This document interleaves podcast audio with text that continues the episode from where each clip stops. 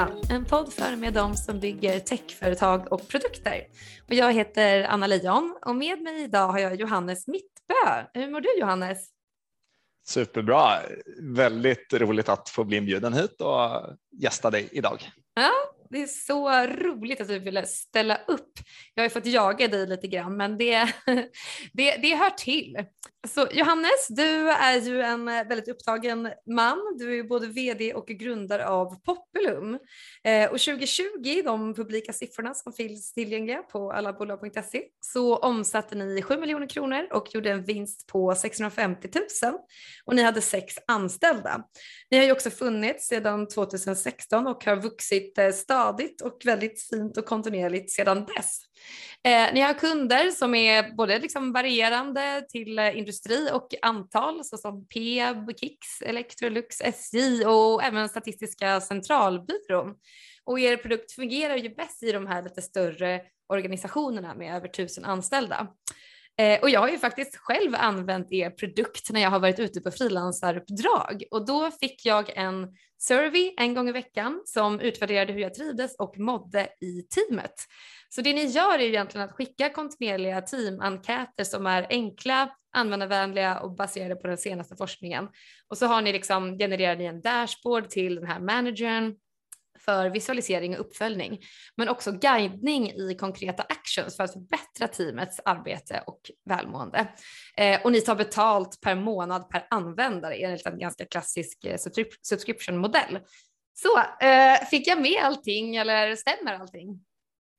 Ja, men det var en fantastiskt bra sammanfattning av, eh, av bolaget. Jättekul också att du eh, faktiskt har varit en användare i plattformen. Vi har, vi har ju så många användare nu, över 80 000, så det är, det är svårt för oss att liksom, ja, veta det liksom på individnivå. Men det, det händer titt som tätt att man får, får höra från personer man umgås med att nu har jag eh, testat ert system utan att vi visste om det, liksom. för det styrs ju av kundens eh, HR-data, mm. Eh, vilka det är som, som kommer med. Mm, exakt. Ja, gud vad ballt.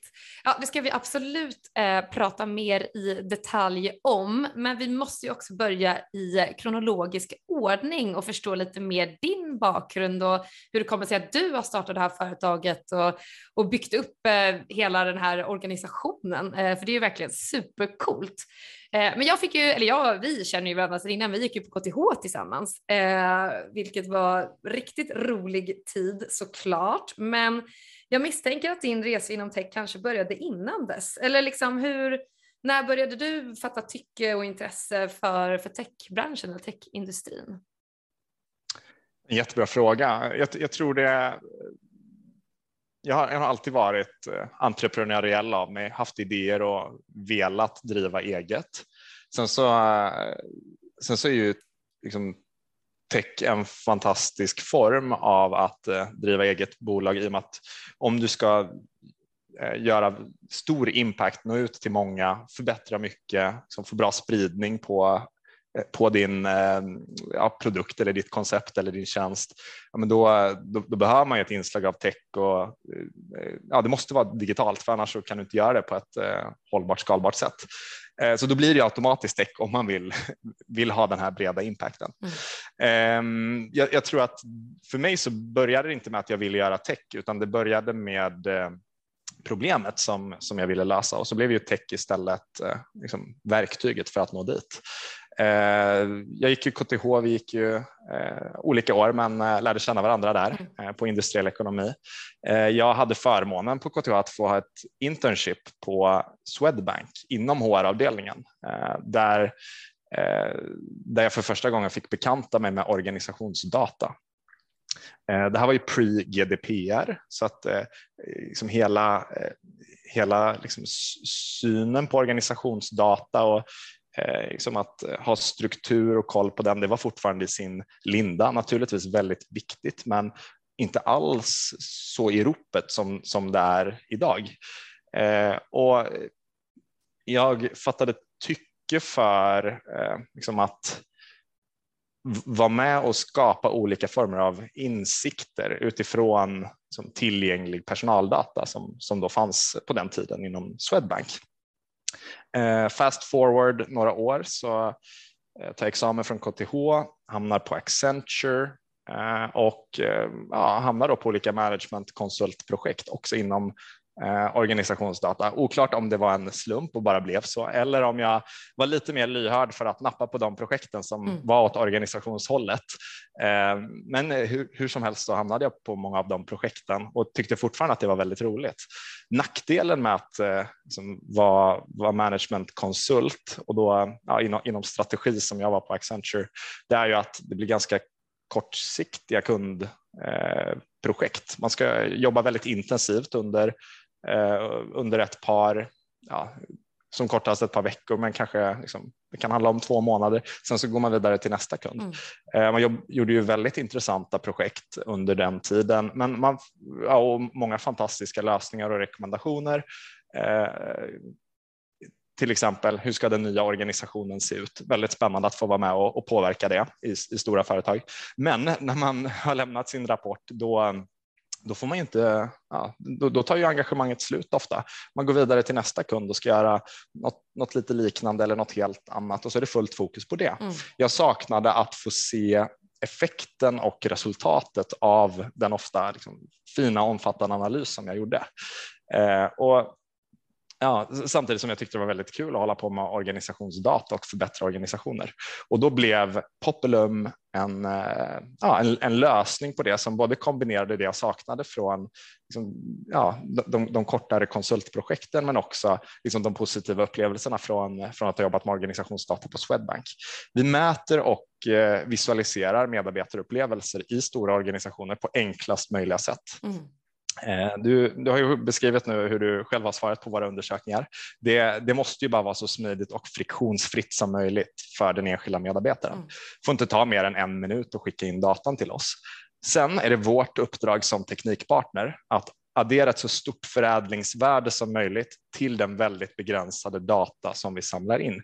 Och det gör vi genom att eh, på ett eh, säkert, tryggt och GDPR-compliant sätt kombinera den med eh, befintlig masterdata som, som ofta finns hos kunderna mm. Eh, för att maximera de insikter som organisationen får tillbaka. Mm. Eh, det handlar både om att, liksom, som du beskrev, du som medarbetare får, får del av ditt teamresultat och man, man ser det i teammöten och det kommer med dialoghandledning och så vidare så att man kan prata om resultatet i gruppen. Men det skapas ju också massor med automatiserad analytics och insikter på övergripande organisatorisk nivå. Vi använder AI för att läsa och identifiera mönster i alla kommentarer som medarbetare skriver in. Eh, det kan ju handla om tiotusentals kommentarer i vissa fall som ju realistiskt sett ingen människa kan, kan läsa och, och, och ta till sig något budskap från. Så då använder vi AI för att hitta de mönstren. Mm. Så det är ganska häftigt. Verkligen. Oj, oj, oj. Nu, nu, fan, nu gick det snabbt här. Vi ska självklart ja. djupdyka mer i hela AI-biten och, och, allt som du har nämnt. Eh, men men vi, vi spolar tillbaka lite grann. Eh, vi är tillbaka på på KTH.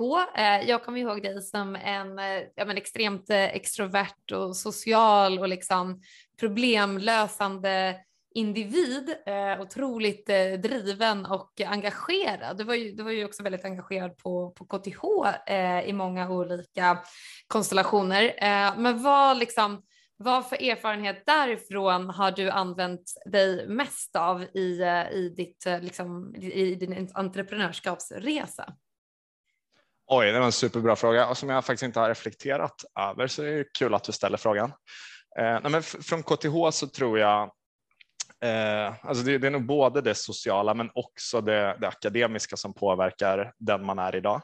Om vi börjar med det akademiska så är ju KTH eh, ja, men det, det, man, man drillas i analys och problemlösning ganska intensivt, eh, eller väldigt intensivt. Det, det är eh, efter, efter, att ha gått KTH, då, då räds man inte längre komplexa problem. Man tror ändå liksom att eh, eh, ja, man, eller man kan få ganska mycket kastat på sig själv och det kan vara extremt svårt. Men man känner sig ändå ganska trygg i att okay, om jag bara försöker här så kommer jag kommer jag lyckas lösa det. Att eh, ha, ha, varit med om det och ha den självkännedomen tror jag är väldigt värdefull om man ska eh, ta sig an ett, eh, ett startup-projekt. Mm. Eh, så, så, det är väl det ena och, och i och med att vi jobbar ju med organisationsdata och analytics. Det är ju jätteviktigt att ja, men, ha en trygghet i sin analytiska sida för att ha kredibilitet gentemot, kunderna.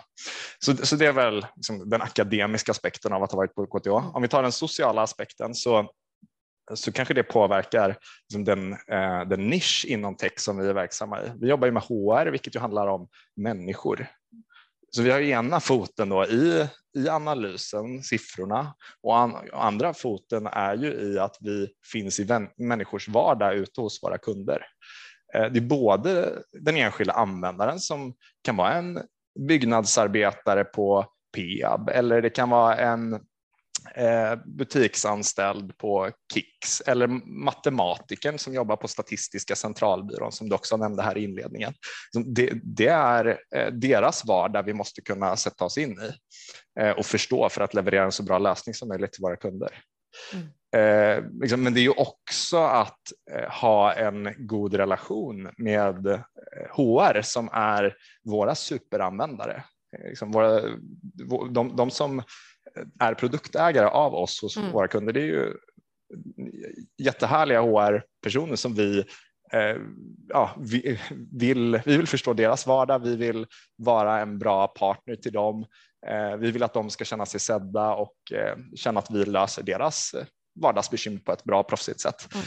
Eh, och där kommer också det interpersonella in för att vi, vi är ju också människor. Eh, liksom. Så även om vi har en techplattform så eh, vill vi ha ett mänskligt ansikte också. Och det tror jag våra kunder uppskattar att vi, vi har det parallellt med att ha en kraftfull analyslösning. Mm. Ja men exakt, ja, ja men jag håller med verkligen. Eh, och sen alltså, om du bara berättar om ett så konkret eh, projekt på Accenture, eh, vad skulle det kunna vara? Så här, ni hoppar in kanske bara några månader några veckor, men vad, vad är då en, ett, ett typiskt projekt som ni, som ni löste? Liksom?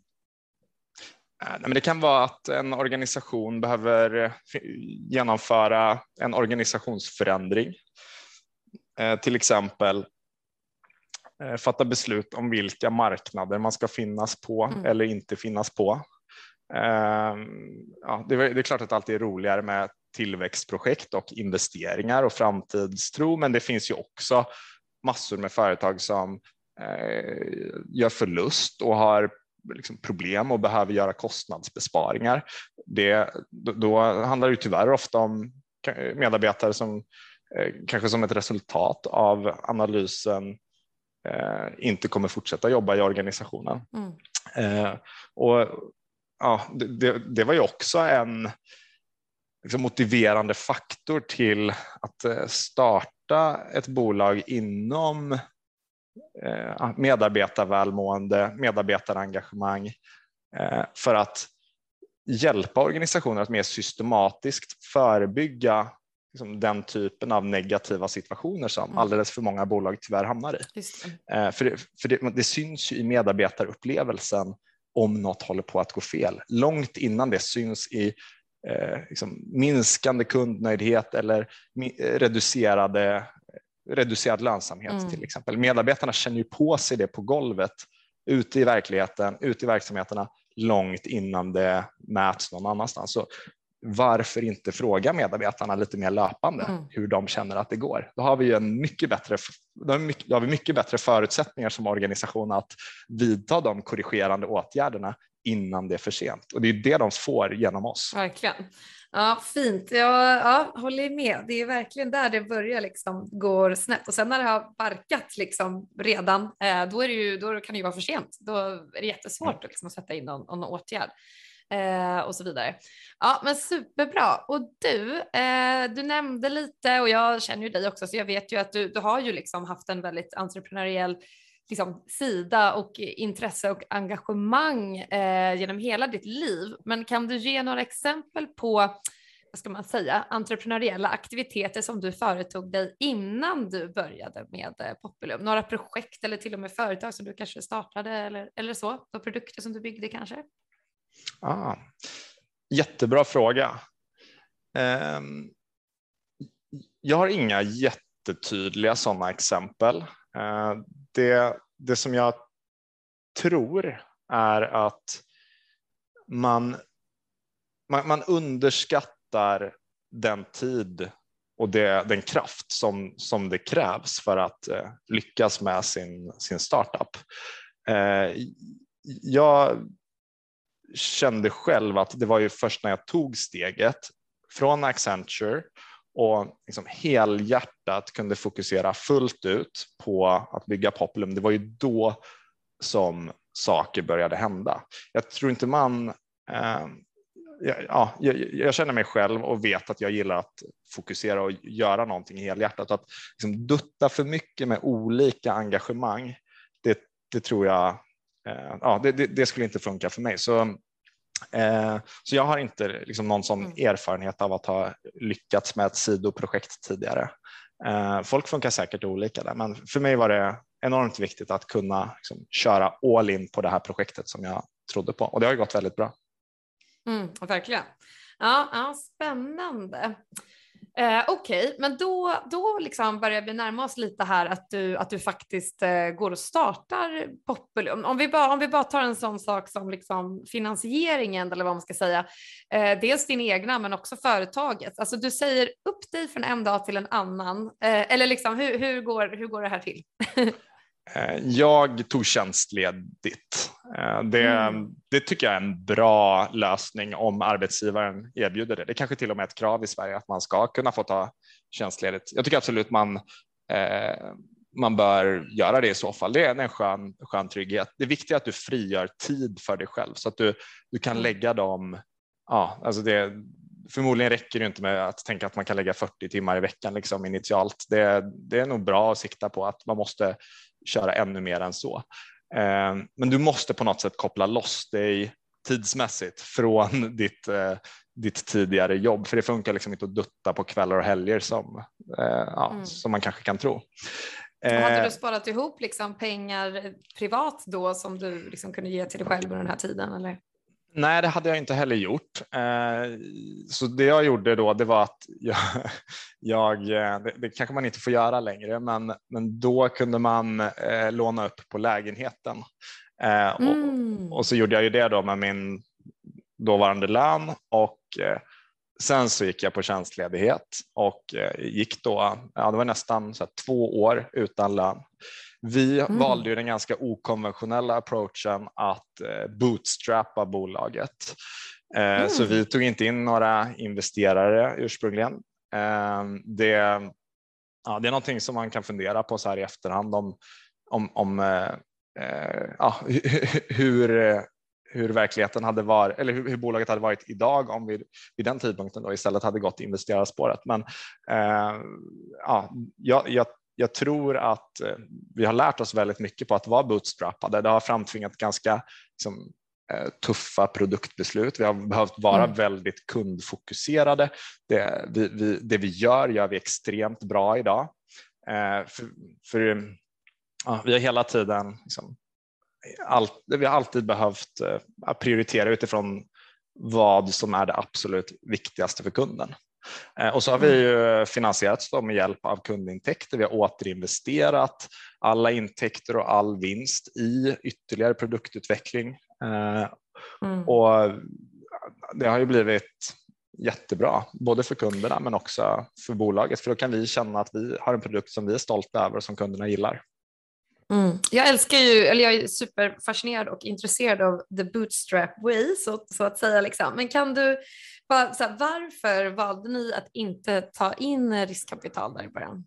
Ja, det är en jättebra fråga. Då, då handlade det nog mest om att eh, kunna fokusera på kunden. Vi hade ju ganska tidigt en del liksom, småkunder och piloter och vi, vi kände att vi är, eh, vi är, vi är på gång här nu med någonting som, som är bra, uppskattat och fungerar. Eh, jag tror vi, eh, vi tänkte nog liksom att om, om vi bara satsar ännu mer på sälj då kommer, vi, då kommer intäkterna komma. Sen så underskattade vi hur lång tid det skulle ta att ändå få en hållbar intäktsnivå. Alltså med, medarbetare och löner är ju extremt kostsamt. Man, man tänker mm. kanske inte så mycket på det ur, ja, ur medarbetarperspektivet men eh, så här, när, när, vi fick vår första kund på, jag behöver inte näm nämna vilken det är, men, eh, men när, när, vi fick vår första kund på, men, eh, det var väl väldigt dealvärde på liksom 100 000 per år. i recurring revenue, då jublar man. Bara, oh, wow, vad fantastiskt! 100 000 kronor per år i intäkter och så inser man att oj, det där täcker inte liksom, våra löner ens en månad. Liksom. Mm, ja, jag vet. Ja. och, så inser man då om man, om man tänker sig att man, ja, som nu är vi ju nio heltidsanställda i bolaget. Vi har vuxit en del sedan eh, sen, sen de siffrorna 2020 som du ser på alla bolag eh, och fler på väg in. Jag hade intervju alldeles nu precis med en ny marketing manager så får vi se hur många vi, eh, vi tar in ytterligare. Men eh, ja, det, det, det, det, kräver ju väldigt stora belopp för att vara självfinansierande på, på det här sättet. Men ja, vi, vi, vi har lyckats, men det kanske har tagit lite längre tid än vad vi hade eh, än vad det hade behövt ta om vi hade varit riskkapitalfinansierade. Sen så tror jag att det har mm. skapat en bättre produkt. Det finns ju en risk att det blir eh, väldigt spretigt om man ska springa på precis allting och har råd att göra allting eh, också. Liksom, vilket, ja. Mm. mm. Ja men exakt, exakt. Ja, jag håller med. Det är, ja, det är ja, superintressant. Okej, eh, grymt. Men eh, skulle du vilja liksom beskriva den, den första liksom, MVPn eller den första produkten, den första prototypen som ni byggde och hur det sedan kom sig att ni liksom ville, ville satsa på den eller fortsätta utveckla den? Absolut. Eh, ja, men, eh, ja, alltså, det som är roligt när man tänker tillbaka till den MVP som vi erbjöd kunderna 2016, eh, det, det, är ju liksom två aspekter av det. Den, den, ena aspekten är ju att det faktiskt fortfarande är samma grundidé som vi fortfarande har kvar idag som, som vi hade då 2016. Eh, vi har aldrig pivoterat som bolag Eh, utan vi har bara liksom fortsatt den inslagna vägen eh, och, och, och, och, bara fortsatt göra det vi gjorde 2016 mycket bättre, mycket mer kraftfullt, mycket mer automatiserat, mycket mer flexibelt, mycket mer skalbart. Allt är bara mycket, mycket bättre. Men vi, har, vi, vi tänkte inte fel 2016 utan vi bara, eh, ja, det, var, det var precis MVP i ja, minimum viable product i dess rätta bemärkelse. Den var så basic den kunde vara men ändå lyckas säljas. Och det är då andra perspektivet av det här när man tittar tillbaka på 2016 att, att, att vi lyckades ha en sån rudimentär produkt eh, som ändå skapade kundvärde. Eh, det, det var ja, vi, vi skickade ut små undersökningar till, till kunderna och det var, det var liksom eh, hård inskrivet i koden vilka frågor som skulle mötas. Naturligtvis eh, endast stöd på ett språk. Det var, ja, det, det, det var, det var så, så, så alltså, om vi då hade noll frihetsgrader så har vi nu, alltså jag vågar inte ens tänka på hur många vi har, men vi, vi, det, vårt system idag är så otroligt flexibelt och kan göra så oerhört många olika saker för kunderna. Så eh, när man tänker tillbaka då på den, det hårdkodade koncept som fanns 2016 så, så, så förundras man över att det ens gick att sälja.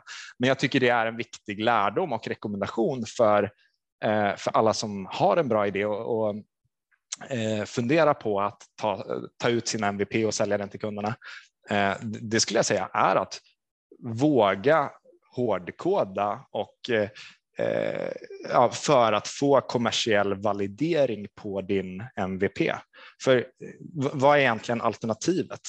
Eh, eh, det, det är ju, tänk om vi så att vi idag har liksom 20 frihetsgrader och saker vi kan skruva och ställa på i konceptet och produkten.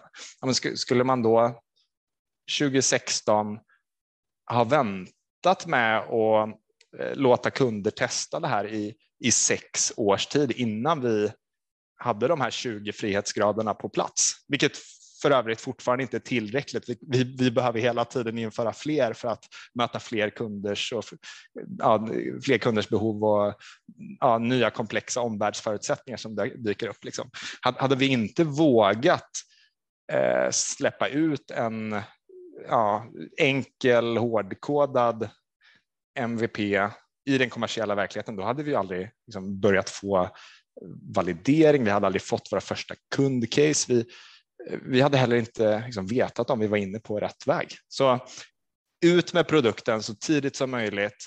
Den ska funka naturligtvis. Du får inte fejla ditt första försök, men eh, du behöver inte vara stolt över den och du behöver inte eh, du behöver, du, eller så här, du ska inte känna att det är den färdiga produkten.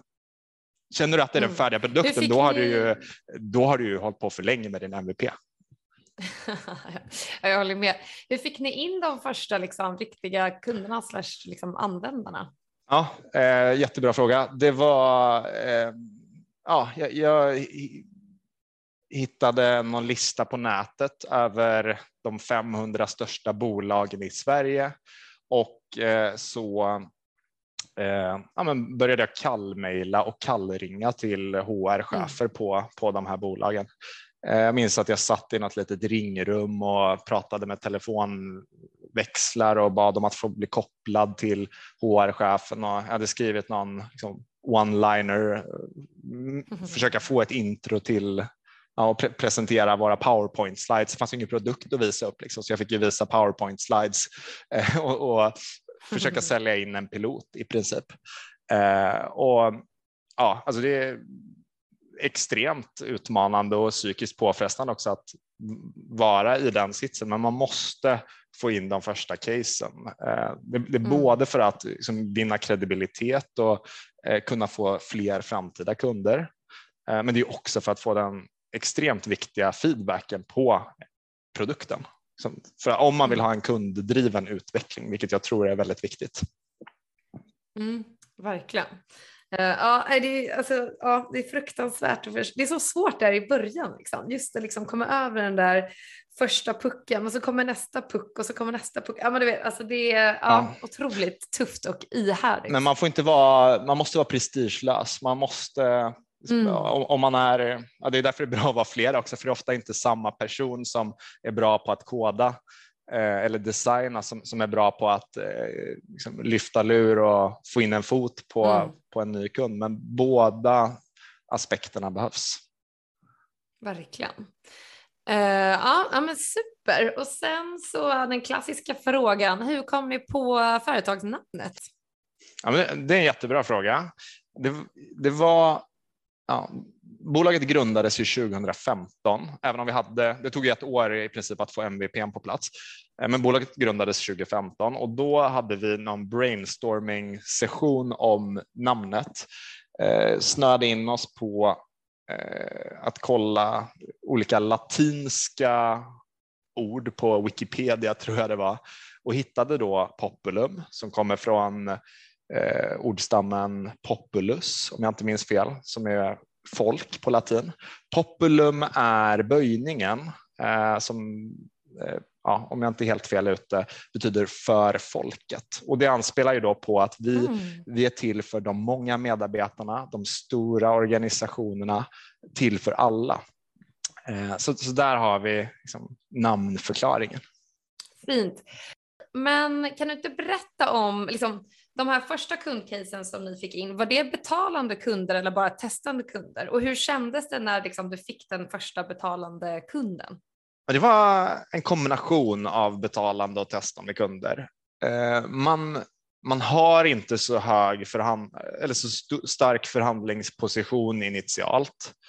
Kunderna vet ju om det också. Eh, det, ja, för oss var det viktigare att både få validering på MVP men också börja bygga upp lite referenscase än att få pengar inledningsvis.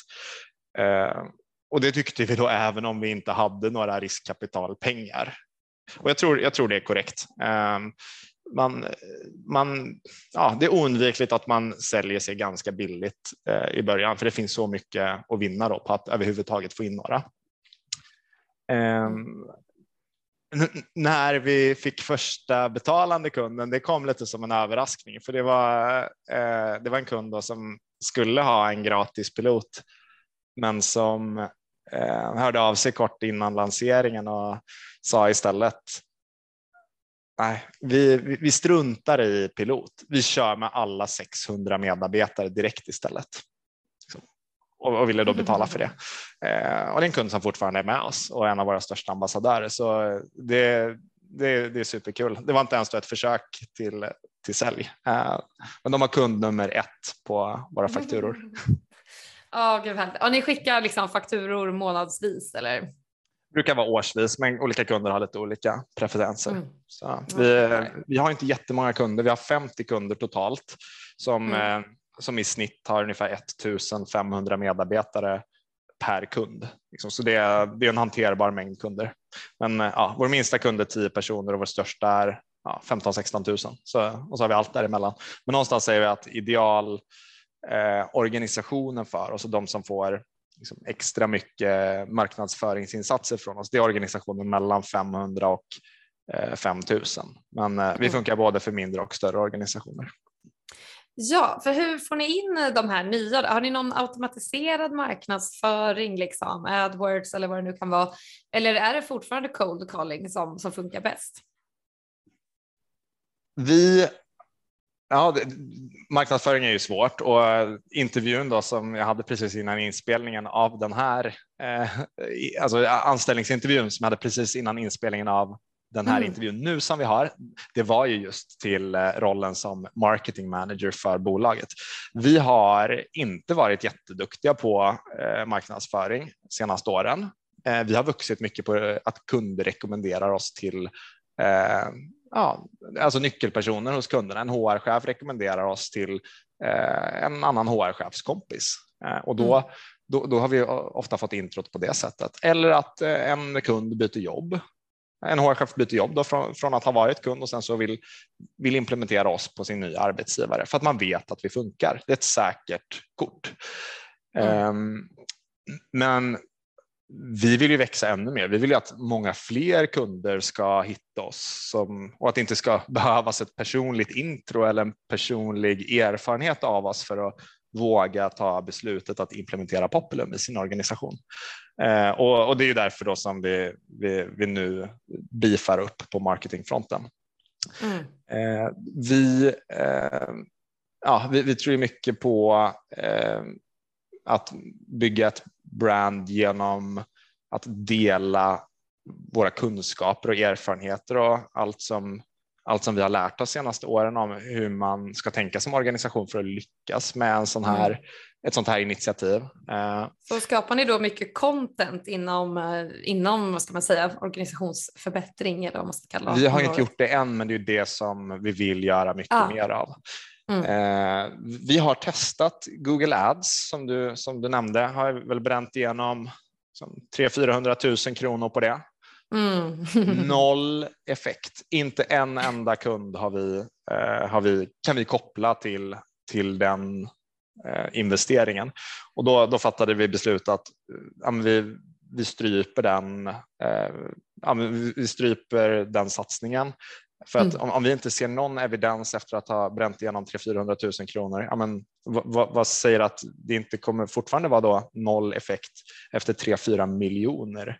Och, mm. ja, vi har ju redan sagt att vi, har varit, eller att vi är ett bootstrappat bolag, eh, så, så det där är ju pengar som vi kan lägga på att eh, ta in en ny kollega till exempel istället. Mm. Så att, eh, man, man lär ju sig hushålla med pengarna på ett eh, tror jag, väldigt sunt sätt när man är bootstrappad. Och vi mm. ja, utvärderar kontinuerligt våra satsningar så att vi lägger pengar på rätt saker.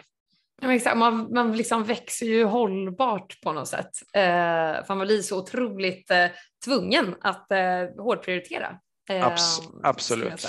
Och sen sker ja, det gud. kanske på bekostnad av att det tar lite längre tid än om vi från dag ett hade haft 10 miljoner på ett välfyllt bankkonto som vi kunde disponera som vi ville liksom. mm. och tillsammans med investeraren såklart. Men eh, mm. nu, nu har det varit liksom stegvis, eh, ja, lite långsammare tempo men tillsammans med våra kunder och vi har resultatet mm. har blivit en riktigt vass och uppskattad produkt.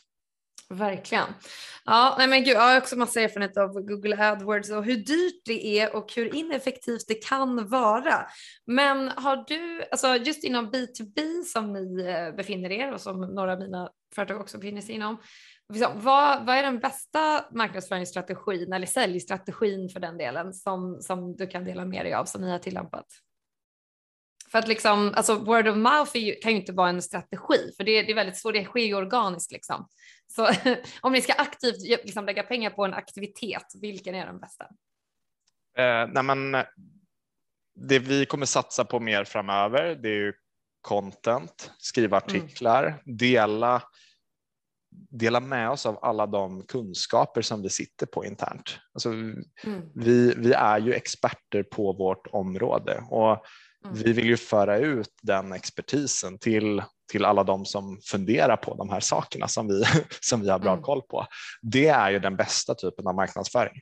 Det mm. kombinerat med eh, webinars eh, tror vi blir bra för att eh, och i ett webbinar så ska vi också dela kunskaper så, men det, mm. det, ja, det, det är två sidor av samma mynt. Att vi har på något sätt en, en expertis som vi får ut både i skriven text men också i webbinarformat. Mm. Eh, det tror jag är nyckeln framåt. Och är det så på LinkedIn och på er hemsida eller vilka liksom plattformar vill ni nå ut på? Du tänker för att eh, folk ska hitta hitta själva ja, exakt. och inbjudan. Var lägger ni ut det någonstans? Ja. Liksom? Eh, men vi har inte börjat göra det här än, men eh, förmodligen på LinkedIn, eh, mm. förmodligen i, i våra nätverk till befintliga kunder, till kunder vi har varit i kontakt med tidigare eller potentiella kunder vi har varit i kontakt med tidigare och få mm. så, så många som möjligt att, eh, att uh, vilja lyssna in på, på våra webinars och läsa våra artiklar. Mm. Mm, verkligen. Ja, det där är ju också skitsvårt. Ja, verkligen. och dyrt att hålla på med content också. Det är ja, svårt att paketera. Um, ja, men så himla coolt. Men var det alltså efter två år liksom, utan lön som det blev en heltidssyssla för dig liksom, istället för någonting som du, du gjorde gratis så att säga? Eller du liksom började ta ut lön då? Heltidssyssla var det ju från dag ett när man lämnade ja, Accenture. Yes. Men ett arbete det, Ja, äh, nej men eh, det gick ju då från noll kronor i månadslön till 10 000 kronor i månadslön. Mm.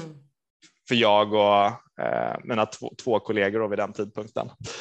Eh, vilket ju var, det var en fantastisk känsla att kunna göra, kunna göra den ändringen, men då inser man ju Alltså, ja, att, att ge 10 000 kronor i månadslön till tre personer, kostnaden för det är ju ja, det är över en halv miljon kronor per år eller 600 000 kronor per år. Det är ju mm. jättemycket pengar och, och så, så, inser man då eh, efter skatt att oj, det här, det här är, det här är 7 000 kronor som kostar oss 500 600 000 kronor totalt per år. Vi behöver jättemycket mer pengar liksom, för att kunna få hållbarhet i det här. Sen så eh, fick vi ett antal eh, större affärer med olika kunder och ja, i och med att vi som, som många subscriptionbolag tillämpar årsvis förskottsfakturering så fick vi rätt, liksom, alltså ganska kort därefter, bra, bra snurr på likviditeten vilket gjorde att vi kunde både gå upp i mer normala löner och även anställa fler. Så, mm. så det var långsam inledning och ja, efter det så har vi ju både för oss själva och till våra nyanställda liksom tagit ut eh, marknadsmässiga löner. Mm. Mm. Ja, fan vad schysst att kunna göra det. Det är ja, drömmen att komma dit liksom. Eh, men du, jag är också supernyfiken på, ni ha, på hur ni har liksom byggt själva produkten. Eh, nu kanske inte du är den som liksom eh, gör all kodning, eh, det vet jag inte, men, men om du är det så får du jättegärna dela med dig av detaljerna. Men annars liksom bara på en övergripande nivå, vad har ni använt, liksom, vad har ni gjort för teknikval och, och hosting och liksom programmeringsspråk och plattform och så vidare? Hur har ni, liksom, hur har ni byggt den här produkten? Ja, superbra fråga och det första jag ska säga är att jag ska inte ha någon cred för själva byggandet av vår produkt utan det är ju mina fantastiska techkollegor som, eh, som har gjort det här möjligt. Eh, sen så såklart med hjälp av de kundinsikter och så som eh, customer success och eh, vi som jobbar med sälj får genom kunddialogerna. Eh, men jag programmerar inte till exempel. Vi är mm. helt och hållet Microsoft baserade, använder Azure inom EU med datalagring på Irland och så har vi speglad backup i mm. Nederländerna.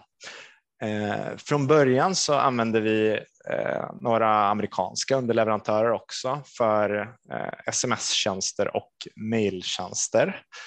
Eh, men i, ja, i, takt med GDPRs ökade betydelse, eh, eller ja, det är ju helt centralt naturligtvis, men eh, liksom att GDPR är, eh, är högst upp på många bolags agendor och Schrems 2-målet, vi behöver inte gå in i detalj kring det, men många av lyssnarna känner säkert till det då har det blivit eh, mm. enormt viktigt för både våra befintliga kunder men också nya kunder att säkerställa att vi har eh, renodlad datalagring inom EU. Så då har vi bytt ut våra amerikanska mail och sms-tjänster mot eh, europeiska motsvarigheter, vilket ju funkar lika bra ur ett användarperspektiv. Men då känner sig våra kunder trygga i att Populum erbjuder en hel europeisk lösning, vilket är väldigt viktigt för stora bolag idag.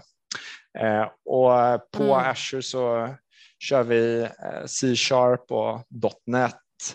Eh, vi eh, ja, har gjort en, ett teknikval där vi kör frontend i Vue. Ehm, ja, och jag vet inte om det är tillräckligt detaljerat för, för målgruppen. Jo, ja. Är det helt och hållet webbaserat? Ja, det är också eller? en strategisk inriktning som vi har tagit. Vi tänkte ju när vi startade bolaget att vi kommer inom kort också lansera en mobilapp installerad, iOS, Android och så vidare. Eh, för vid, vid mm. den tidpunkten, runt 2015, 16, 17, kanske fram till 18, då var det väldigt i ropet att alla skulle ha sin egen app. Men det, alltså idag 2022 så är det ingen av våra kunder som efterfrågar att deras medarbetare ska behöva ladda ner och installera en, en en app till sina telefoner. Så vi är helt webbaserade, responsivt naturligtvis, ja. funkar i alla devicer, eh, funkar omedelbart mm. utan installation och framförallt så ger det oss som leverantör en enorm flexibilitet att vi kan pusha uppdateringar i realtid. Eh, varje dag kan vi uppdatera om vi vill mm, och vi det. vet att alla våra 80 000 användare har samma och den senaste versionen. Så eh, ja, det, det, tycker jag känns modernt och vi, vi har ingen plan på att, att införa en eh, Android-app eller iOS-app eh, någonstans i vår produktplan idag. ja, det är skönt att höra. Det, är, ja, det var ju verkligen i ropet där som, som du säger, alla skulle ha liksom en native app. Eh, tack och lov att, eh, som du säger också, att det, det är otroligt mycket underhåll som krävs av en sådan och webben det är ju liksom instant eh, uppdateringar ut och de behöver inte reviewas i någon hemsk app store mm. och, och, så vidare. Eh, jag, tror, jag tror jag kan säga det till, eh, till lyssnarna här, att jag tror det beror lite på om du är B2B eller B2C. Om du har en, mm. en B2C-idé, då, då finns det starkare motiv för att ha en installerad app. Eh, medan mm. vi då som kör B2B och med fokus på organisationer som är lite större. Det kan handla om ibland tusentals medarbetare som sagt. För, för dem är det ju viktigt att, eh, det bara, att, det, att det fungerar skalbart och på första försöket i och med att det är bulkuppstart av, av användare. Men eh, om, du, om, om du jagar mm, en eh, om vi tar Spotify som exempel, du ska, du ska vinna en användare i taget, då är det ju jätteviktigt att den att den eh, får, får ladda ner sin Spotify-app till den device som, eh, som användaren vill vara i. Mm. Ja men absolut, verkligen. Eh, ja, och där i början så nämnde du också lite att ni har integrationer. Eh, kan du berätta lite om liksom, vilka integrationer ni, ja. har byggt? Eh, men vi, vår filosofi är att vi ska samla in så lite data som möjligt från medarbetarna. Vi ska störa dem så lite som möjligt. Vi måste ju såklart ha eh, svaren från medarbetarna. De klickar på våra smileysar, svarar på våra frågor. Eh, men, men vi, vi tänker att vi, vi vill vi får inte ta mer än en minut för medarbetaren. För, för vi, vi, kan inte begära mer än en minut en gång per månad ungefär. Det, det, är det vi tycker verkar rimligt och det är det vi ser är rimligt också. Eh, den lilla informationen den ska vi addera ett så stort förädlingsvärde till som möjligt och då gör vi det genom att kombinera den datan med befintlig hårddata som eh, ja, nästan alltid finns hos kunderna. Eh, det handlar både om organisationsstrukturen, vem är chef över vem? Tänker Eh, tänker en klassisk hierarki, en, ett organisationsträd. Det får vi in från kundens mm. HR-system eller lönesystem. Det är också olika bakgrundsvariabler, till exempel kön, födelsedatum, anställningsdatum. Det kan handla om land i internationella organisationer. Det finns så mycket mm. data eh, som skapar relevanta och användbara insikter till kunderna, men där vi inte Eh, vi behöver inte fråga varje medarbetare om man är en svensk eller dansk eller finsk medarbetare, för det finns redan i, i HR-systemet. Och det, det, det är där integrationerna kommer in. Och vi har investerat väldigt kraftfullt mm eller sorry, vi har investerat väldigt, eh, väldigt, väldigt kraftigt, var ordet jag sökte efter, i, i vår flexibla integrationsmotor senaste året så att vi, eh, mm. vi nu kan integrera med eh, i stort sett vilket system som helst. Vi kan integrera med en kombination av system och vi kan också stödja att mm. kunder till exempel har eh, ja, Sverige är ett HR-system men Finland saknar HR-system men Finland vill, vill ändå vara med i eh, Populum, då går det också bra. Eh, så, mm. ja, så vi har verkligen tagit höjd för många scenarier här, vilket också har blivit uppskattat av kunderna. Kan... Ja, det kan jag tänka mig. Eh, vad, vad är ett, ett exempel på ett sånt här HR eller liksom lönesystem som ni har integrerat med? Har man hört talas om det? Eh, möjligtvis har man inte gjort det eh, i och med att det också är B2B-tjänster som som eh, riktar sig till lite mm. större organisationer. Men en organisation som vi har väldigt nära samarbete med, Catalyst One, det är ett eh, nordiskt HR-system eh, som, mm. eh, ja, som, som vi har en ja, färdig integration med som gör att kunder som använder det HR-systemet kan komma igång med Populum på ja, på nolltid egentligen. Och då, och då får mm. de kunderna en automatisk spegling av sin organisationsstruktur eh, och alla bakgrundsparametrar direkt i, i Populum. Så det tar bort all administration från HR och det maximerar också de insikter som man får tillbaka. Kunder gillar ju att system kan prata med varandra och det, ja, det, det, det är kanske det tydligaste exemplet som vi har just nu ganska många kunder som har, har, har, börjat eh, nyttja det, den specifika integrationen. Mm, ja, nej, det, det, hade jag inte hört talas om. Men eh, om man ska onboarda ett nytt, säg det är en kund då, som har ett annat eh, lönesystem eller HR-system och som vill eh, onboardas med det. Eh, hur lång tid kan en sån process ta? Mm, eh, det beror på lite. Eh, jag skulle väl säga att det ja, jag var i en sån diskussion med ett helt nytt system, lite mindre system, jag behöver inte säga vilket namn det är, men eh, ja, förra veckan och eh, då bedömde de eh, den, då bedömde den andra systemleverantören arbetet till eh, ungefär tio timmar för att Oj. få våra system att prata med varandra så att kunden kan nyttja sin befintliga data då eh, för att bli kund hos oss. Snabbt ja, jag tycker inte det är inte särskilt omfattande, så, så det, det kan ju vara klart liksom, inom en arbetsvecka på det, mm. ur det perspektivet. Men ni får eh, typ en export, alltså en fil liksom från, från dem, eller hur funkar det? Ja, tänk, tänk dig en, eh, ja, nu är det ju inte Excel, men tänk dig motsvarande en eh, Excel. XML eller? Ja, jag tror, tror det. Jag, jag, kan inte svara på det i detalj, men tänk, mm. tänk dig en, eh, en tabell med, eh, ja, där, där, varje rad är en medarbetare hos, mm. hos kunden och sen så är det kolumner utifrån all den eh, all den överenskomna informationen. Förnamn, mm. efternamn, e-postadress, mobilnummer, mm. chef, det kan vara land. Och det är sånt ju... liksom standardiserat mellan olika HR eller lönesystem eller ser liksom den där filen olika ut? Vet du det?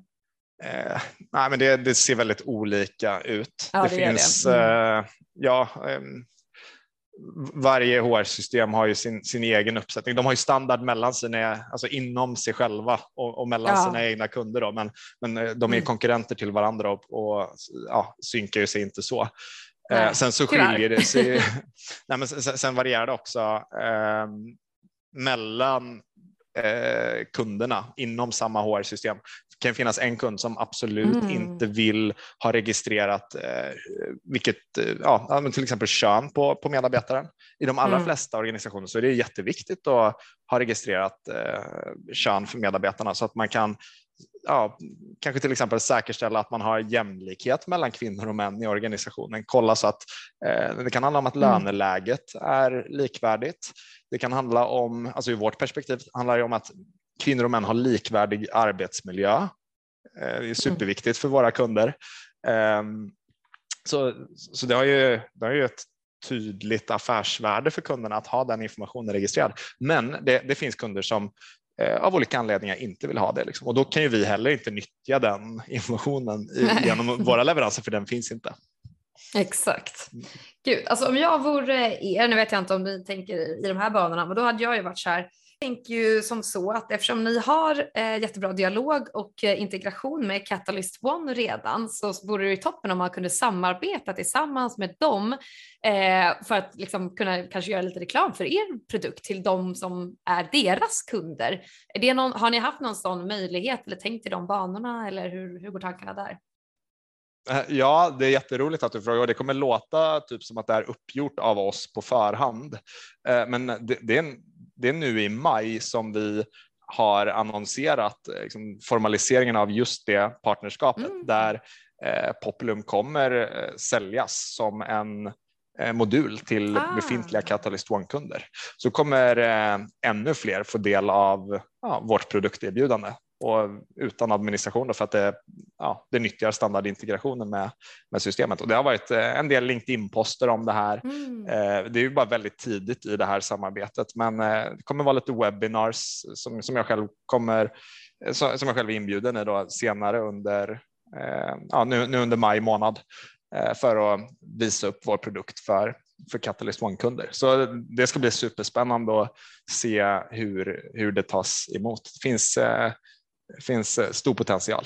Verkligen. Ja, fan vad coolt. Det är ju, det är ju drömmen liksom att kunna få, ja men då blir man ju som en add-on eller en, en, liksom, ja, en, en extra feature som man, som man kan köpa till och få piggybacka lite på en sån stor eh, och eh, etablerad kund. Det, vore ju, det är ju svinbra. Ja, nej, men det är väldigt bra och vi märker också att kunder gillar att eh, få hävstång på sin befintliga data. Mm. Det finns ju så Eh, ja, så, alltså, i, i, i, dagens samhälle, i, da, i, dagens datavärld så är ju inte utmaningen brist på data. Det finns ju hur mycket data som helst, utan det handlar om att, att eh, liksom, få insikter från data, få, få, skapa relevans ur data. Det är mm. det som är svårt för många och det är, det är det som blir så fantastiskt i, i ett sånt här samarbete till exempel, att vi, eh, vi, vi levandegör den datan som, som kunden redan har i sitt HR-system. Så det, jag tycker det är jätteroligt och jättehäftigt och har fått superfin feedback från de initiala kunderna som, som redan är igång. Mm, fan vad coolt, verkligen. Det blir så här ett plus ett är, tre liksom eh, med, med, ja, med ett sådant samarbete. Fan vad grymt jobbat. Eh, ja, ja men super. Eh, vi har pratat och snackat och haft det supertrevligt. Jag har ställt massa jobbiga frågor och, och, och ställt dem mot väggen. Nej, jag bara skojar. Eh, men fått lära mig hur mycket som helst och blivit inspirerad. Eh, så vi börjar runda av lite granna, men vill du delge några liksom kriser eller misstag som du har erfarit under, under hela den här tiden eh, och som vi som också vill bygga egna techprodukter och företag skulle kanske kunna undvika? Ja, jättebra fråga. Um, vi, vi har varit ja, peppar peppar nu, vi har varit förvånansvärt förskonade av kriser. Eh, största krisen var väl liksom runt 2017 när vi höll på, höll på att få slut på, på pengar innan de här mm. första, alltså, trots att vi inte tog ut lön så, så, så, hade vi fortfarande kostnader för att driva bolaget. Allt kostar ju. Det är liksom, servrar, det är eh, datorer, kontor. Liksom det, det, är enorma kostnader redan innan man tar ut lön. Och att göra det utan intäkter, det skapade några sömnlösa nätter 2017. Så det var väl lite mer av en liksom, ja, personlig kris. Men eh, så fort vi liksom fick de första liksom, ja, stabila intäktsgenererande kontrakten som ändå hade någorlunda god storlek, då, då har jag sovit gott om nätterna. Och sen så har vi kun, kunnat ha eh, liksom, i, i, renodlat kundfokus i och med att vi inte haft massa spretiga eh, prioriteringar från, eh, ja, men från ja, men till exempel en extern ägare, en investerare, mm. så har vi kunnat ha kundens bästa som enda ledstjärna, eh, vilket eh, ja, vilket gör det väldigt motiverande och kul att gå till jobbet på måndag morgon varje måndag. ja, exakt. Verkligen. Eh, ja, okej. Och har vi några liksom, lärdomar och tips till, eh, till oss igen då som, som vill göra samma resa som du har gjort? Ja, nej absolut. Eh, var kundfokuserad. Det kommer bli den bästa lösningen i slutändan. Eh, överarbeta inte MVPn. Du, du, du ska skämmas lite grann när du, när du släpper ut den och veta hur begränsande den är. Eh, det, du, det får inte fejla, men det, det, ska inte vara perfekt. Om du känner att din MVP är perfekt, då har det gått alldeles för lång tid. Mm. Eh, så, så, så gör den så primitiv som möjligt så att du får valideringen på att själva konceptet funkar.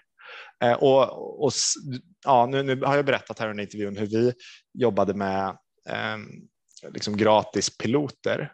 För oss så var det nödvändigt för att, eh, för att liksom bygga kundreferenser inför att kunna ta mer betalt senare från, eh, från framtida kunder. Mm. Eh, men egentligen är det ju inte förrän du säljer produkten och får betalt i kronor eller euro eller hur du nu prissätter. Det, det är inte förrän då som du faktiskt har en prislapp på det, alltså en siffra på det värde som du genererar. Mm.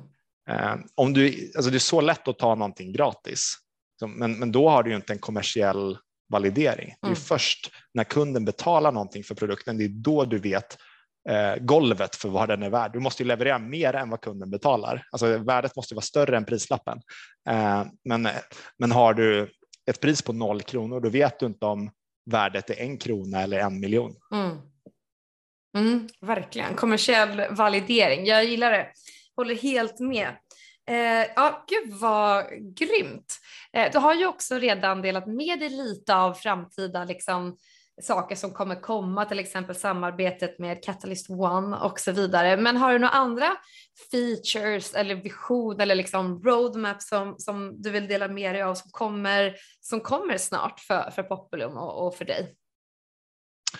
Ja, nej, men vi, eh, vi har investerat ganska kraftigt i artificiell intelligens senaste året. Jag nämnde, mm. eller senaste åren, nämnde att vi, vi använder idag AI för att eh, läsa och förstå mönster i all skriven feedback hos, hos våra användare. Det måste man nyttja AI för. Liksom när, det, när det är tiotusentals kommentarer så kan man ju inte ha en människa som sitter och processerar det manuellt. Mm. Eh, så det har vi redan idag.